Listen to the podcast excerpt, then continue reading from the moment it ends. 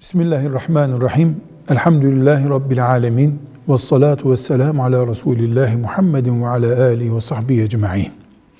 Şeriat, Allah'ın insanlara gönderdiği din demektir.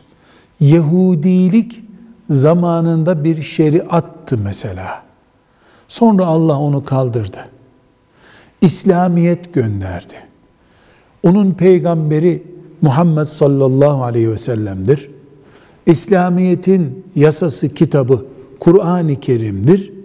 Ama İslamiyet'in hayatı yönlendiren ve kurallar içinde tutan sisteminin adı şeriattır. İslam şeriatı demek İslam'ın hayatı düzenleyen şekli demek.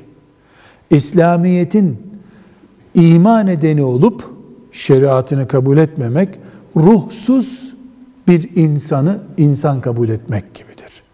Velhamdülillahi Rabbil Alemin.